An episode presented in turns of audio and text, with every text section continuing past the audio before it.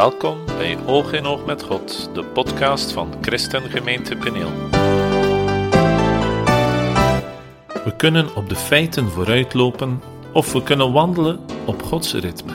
We kunnen dingen benaderen op onze menselijke manier of op Gods manier.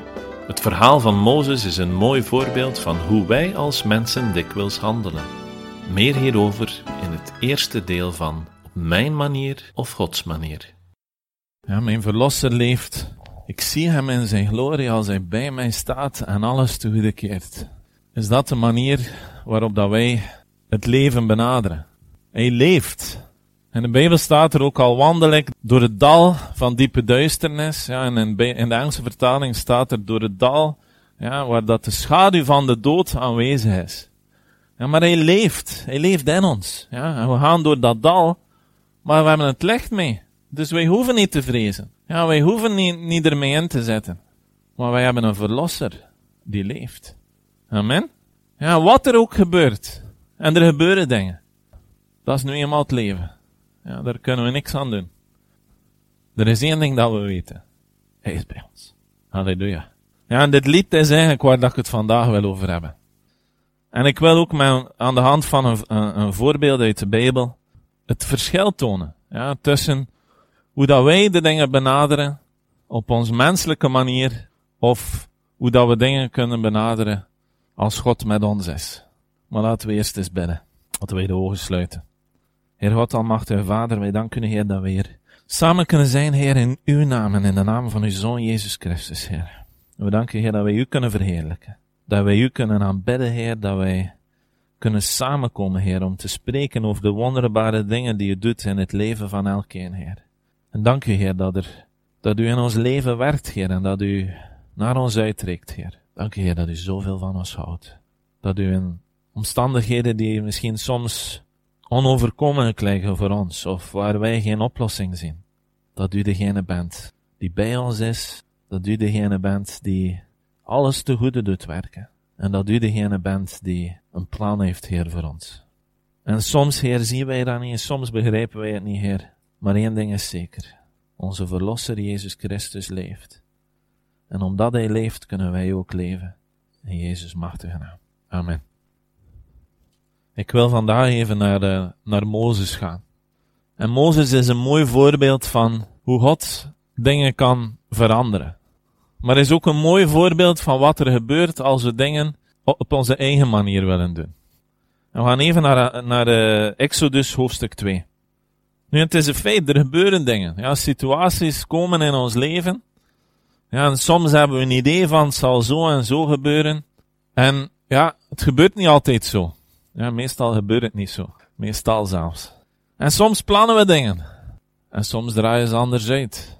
En soms gebeuren er dingen en we vragen ons af, hoe geraken we hieruit? Ja, we kunnen op twee manieren reageren. We kunnen ofwel op de feiten vooruitlopen, of we kunnen wachten en wandelen op Gods ritme. Ja, we kunnen dingen proberen te forceren, of wachten totdat God ons toont wat de weg is. Ja, we kunnen ontgoocheld zijn omdat dingen niet gebeuren zoals dat wij ze gepland hadden. Of we kunnen God dankbaar zijn dat Hij bij ons is en dat Hij een plan heeft. Ja, dus in essentie ja, gaat het erover van, benaderen wij de dingen op onze manier of benaderen we ze vanuit Gods oogpunt op zijn manier? Ja, in Exodus hoofdstuk 2 vers 11, daar zien we Mozes.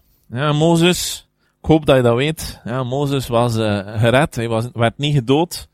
En hij, uh, zat, zijn zus had hem in een mandje gezet, ja, op het water. En uh, uiteindelijk was hij door de, de dochter van de farao gevonden. Werd hij door zijn moeder en, of door zijn ouders opgevoed. En toen hij groot was, zie je in vers 10, bracht zij hem, dus de moeder, bij de dochter van de farao en hij werd haar tot zoon. Zij gaf hem de naam Mozes, want zei, ik heb hem uit het water getrokken. En vers 11, in die dagen toen Mozes groot geworden was en naar zijn broeders vertrok, en hun dwangarbeid aanzag, gebeurde het dat hij een Egyptische man zag, die een Hebreeuwse man sloeg, een van zijn broeders. Ja, wat mij opvalt is dat Mozes, ja, die was wel in het paleis, maar die ging nog altijd naar zijn broeders, ja. Dat staat in vers 11. Ja, het is niet dat Mozes uh, weg was van het hele Hebreeuwse gebeuren. Nee, hij was daarin opgevoed. Ja, hij was wel in het paleis geplaatst. Ja, en hij was, hij leefde onder de hoede van, uh, de dochter van de farao, en hij was haar zoon. Maar uiteindelijk staat er dat hij naar zijn broeders vertrok en een dwangarbeid aanzag. Gebeurde het dat hij een Egyptische man zag die een Hebreeuwse man sloeg, een van zijn broeders. Hij keek om zich heen en toen hij zag dat er niemand was, sloeg hij de Egyptenaar dood en verborg hij hem in het zand. En hij vertrok de volgende dag en zie twee Hebreeuwse mannen waren aan het vechten. En hij zei tegen de schuldige, waarom slaat u uw naaste? Maar die zei, wie heeft u tot leider en rechter over ons aangesteld? Zegt u dit om mij te doden, zoals u die Egyptenaar gedood hebt? Toen werd Mozes bevreesd en hij zei, deze zaak is beslist bekend geworden. Toen de farao van deze zaak hoorde, wilde hij Mozes doden, maar Mozes vluchtte voor de farao en vestigde zich in het land Midian en zat bij een put. Ja, hij zat bij de put en hij, was en hij zat er waarschijnlijk ook in, in de put. Ja, niet letterlijk dan. Maar uiteindelijk, ja, Mozes is laag gevallen. Ja, Mozes was groot geworden en hij ziet dat er een Egyptische man was die die Hebreeuwse man sloeg. En hoe reageert Mozes? Ja, Mozes kijkt om zich heen, vers 12, en toen hij zag dat er niemand was, ja, dat is meestal geen goed teken. Toen wij klein waren en om ons heen keken, om te zien of dat er iemand was, ja, dan was meestal om iets uit te steken. Ja. Is er iemand die zich daarmee niet kan uh, verzoenen? Ja, dus dat is, typische reactie van kinderen. Ze kijken een keer om zich, rond, om zich heen van, heeft het iemand gezien?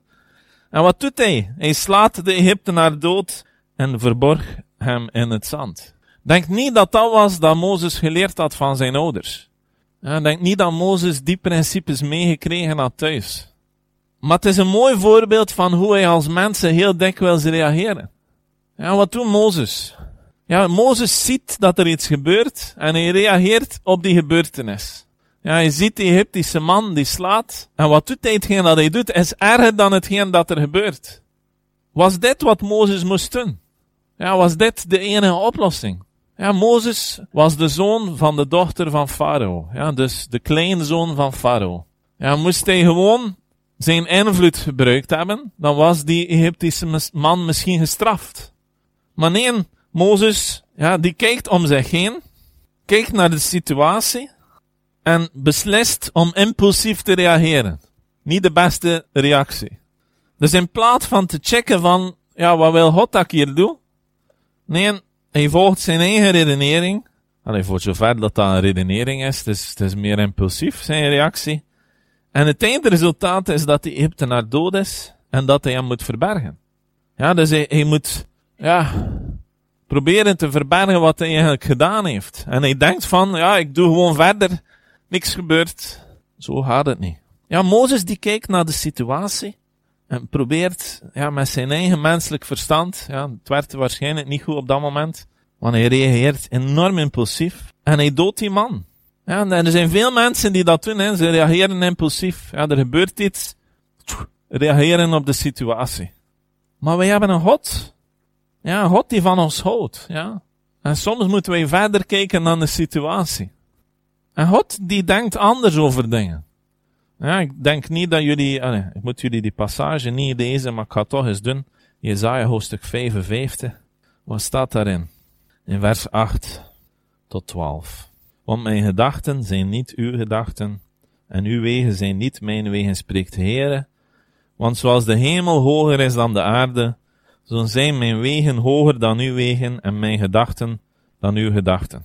Want zoals de regen of sneeuw nederdaalt van de hemel, en daarheen niet terugkeert, maar de aarde doorvochtigt en maakt dat zij voortbrengt en doet opkomen, zaad geeft aan de zaaier en brood aan de eter, zo zal mijn woord zijn dat uit mijn mond uitgaat. Het zal niet vruchteloos tot mij terugkeren, maar het zal doen wat mij behaagt en het zal voorspoedig zijn in hetgeen waartoe ik het zend.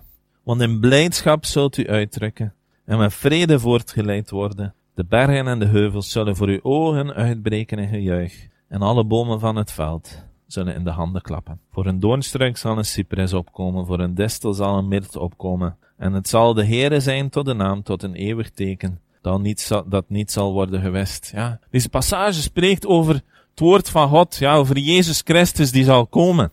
En het woord dat uitgaat van God, dat dat woord altijd vrucht draagt. En het toont gewoon dat Gods gedachten en onze gedachten niet hetzelfde zijn. Ja, Gods wegen zijn niet onze wegen. Ja, de Israëlieten die dachten van, de Messias komt en die zal koning zijn. Ja, die zal koning zijn. Maar niet op de manier dat de mensen denken. Ja, daar hebben we het vorige week over gehad. Ja, wij moeten leren, ja, in situaties om op God te vertrouwen. Soms is dat niet gemakkelijk. Maar het is belangrijk dat wij niet doen zoals Mozes. Ja, dat wij niet impulsief reageren. Dat wij niet onze eigen redenering volgen. Want onze gedachten zijn beperkt. Ja, ons menselijk denken, ons menselijk redeneren heeft limieten. Ze proberen nu met artificiële intelligentie bepaalde zaken te doen. En die kan, dat kan ook maar bepaalde zaken, hè. dat kan niet alles.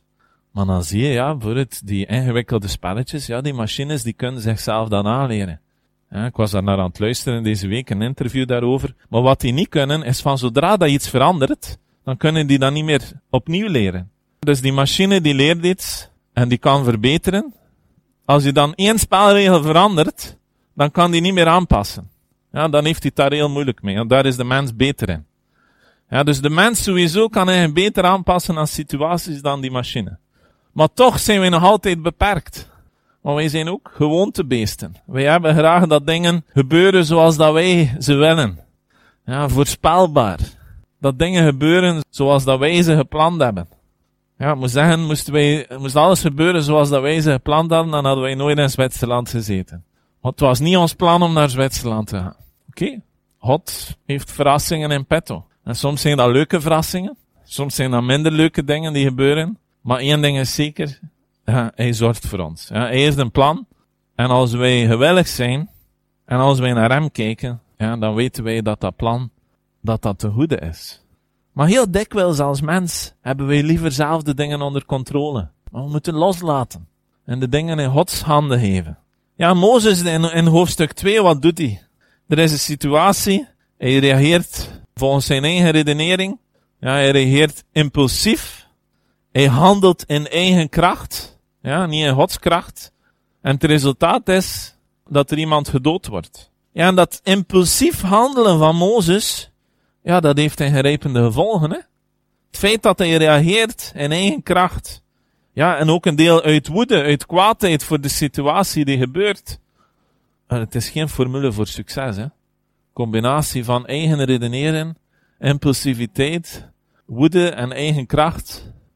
Het resultaat is dat de farao Mozes wil doden, dat Mozes moet vluchten en dat hij bij de put zit en in de put zit. Uh, echt een succesformule. Het is heel extreem, maar uiteindelijk is het hetzelfde voor ons. Ja, als een situatie is in ons leven, hoe reageren we dan? Ja, reageren we impulsief? Volgen we onze eigen redenering van dat is nu het beste? Of reageren we uit woede? Dat is een goede situatie. Wow, ik ga dat hier een keer oplossen. Doe het in eigen kracht of in Gods kracht? Ja, woede is zeker geen goede basis om van te vertrekken. Mozes ziet het resultaat. Ja, hij doodt iemand. Maar even naar Jacobus. Jacobus hoofdstuk 1, vers 19. Zo dan, mijn geliefde broeders, ieder mens moet haastig zijn om te horen, maar traag om te spreken en traag tot toorn. Het is eigenlijk een fantastisch vers, hè? Haastig om te horen. Dus altijd eerst de reflex hebben om te luisteren. Maar traag om te spreken. Dat is iets dat je moet leren. Ja, daar heb je ouders voor om je dat te leren. Die jou leren om eerst te luisteren, na te denken, spreken. Maar eigenlijk gaat het verder. Ja, het luisteren is niet alleen naar de situatie, het luisteren is ook luisteren naar God. Dus we moeten haastig zijn om te luisteren. Ja, we moeten ons haasten naar Gods woord. Om te horen wat heeft God te zeggen. We moeten traag zijn om te spreken en traag tot toorn. vers 20. De toorn van een man brengt immers geen gerechtigheid voor God teweeg. Ja, als wij denken dat we iets goeds gaan doen, uit kwaadheid, zou ik zeggen, zet u even neer, bid tot God, pak zijn woord, lees in zijn woord, en kom tot een keer. Het gaat niet goed komen. Ja, de toorn van een man brengt immers geen gerechtigheid voor God teweeg. Ja, dus Mozes was kwaad. Het resultaat is dat hij iemand doodt. Maar de toorn van een man brengt geen gerechtigheid voor God teweeg. Ja, dus mag nooit de, het startpunt zijn. Onze reactie ja, mag geen reactie van kwaadheid zijn. Want het gaat niet over ons. Ja, het gaat helemaal niet over ons. Het gaat over Jezus Christus. En wij kunnen op dingen reageren in onze eigen kracht. Ja, wij kunnen impulsief zijn, we kunnen in woede reageren. Maar het is veel beter om te luisteren naar wat God te zeggen heeft. Traag zijn om te spreken, traag tot toren, maar haastig om te luisteren. Het antwoord is hier. Ja, het antwoord zit in de Bijbel. Gods woord dat hij gesproken heeft. Voor alles. Ja, er is geen situatie te moeilijk. Het antwoord zit hier. En er staan veel versen in de Bijbel daarover. Hè. Spreuken 14, vers 29. Ja, wie geduldig is, heeft veel inzicht. Maar wie kort aangebonden is, ja, kort van geest, is iemand die met een kort lontje, die verheft de dwaasheid. Ja, iemand met een kort lontje, die verheft de dwaasheid. Kijk mensen, wat er ook gebeurt, en het zijn niet altijd leuke dingen die gebeuren. We hebben een goede God. En laat ons niet doen zoals Mozes. Ja. Mozes, het resultaat was dat hij 40 jaar in die woestijn mocht rondtrekken. Ja, dat hij voor die schapen mocht zorgen. Hij kwam van een paleis. Hij was een prins. En hij eindigde al rondtrekken met de schapen. Het werd dat niemand wil doen. Hij verloor alles. Ja, doordat hij kwaad was, doordat hij impulsief was, doordat hij zijn eigen redenering volgde, doordat hij probeerde in zijn eigen menselijke kracht iets te bereiken. Maar het prachtige aan het verhaal van Mozes is dat na die 40 jaar, en ik veronderstel dat hij na die tijd, na die 40 jaar, een beetje gekalmeerd was. Alhoewel dat er later nog een keer uitkomt, want ah, je slaat dan met die staf op die rots. En God zegt, en daarom ga je het beloofde land niet in. Ja, het was even terug boven gekomen. Ja, even weer die impulsiviteit, die kwaadheid die naar boven kwam. Nu, als je met dat volk op weg was, zo de keer, hè. kan niet zeggen dat ik beter zou gereageerd hebben. Zit daar met dat volk van God, die continu zit te zagen en te doen. Maar het resultaat voor Mozes, ja, was dat hij moest vluchten. En op een bepaald moment wordt Mozes geroepen. En Mozes zegt, ja, maar ben ik daar wel goed genoeg voor? Kan ik dat wel goed genoeg zeggen? Gaat dat wel lukken? Maar God heeft een plan. En soms duurt dat een beetje. Ja, in dit geval duurde het 40 jaar. Ja, ik hoop dat het voor ons niet zo lang duurt. Ja, voordat God toont wat de oplossing is. Want we leven niet meer zo lang als die mensen.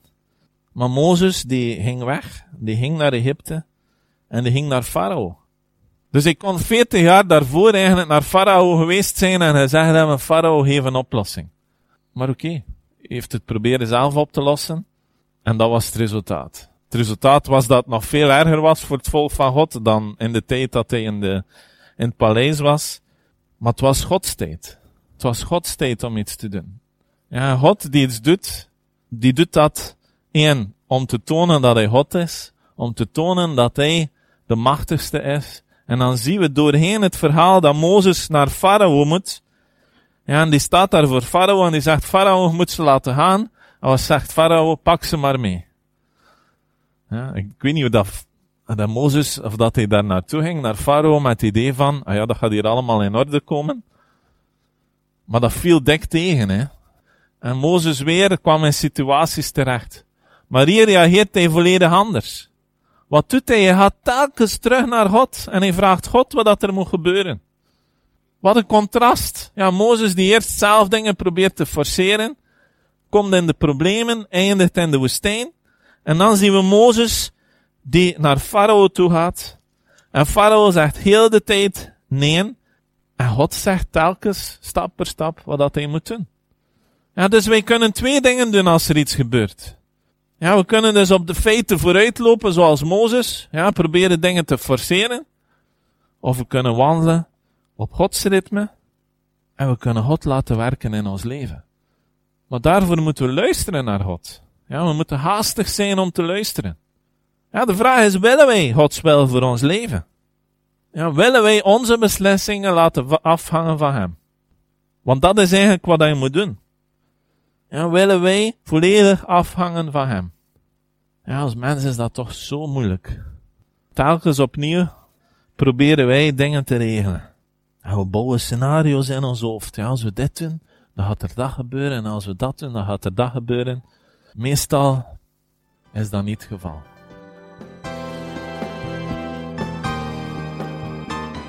Heeft deze boodschap je geraakt? Wil je hierover graag met iemand spreken? Neem dan zeker contact op met ons via onze website www.peniel.be.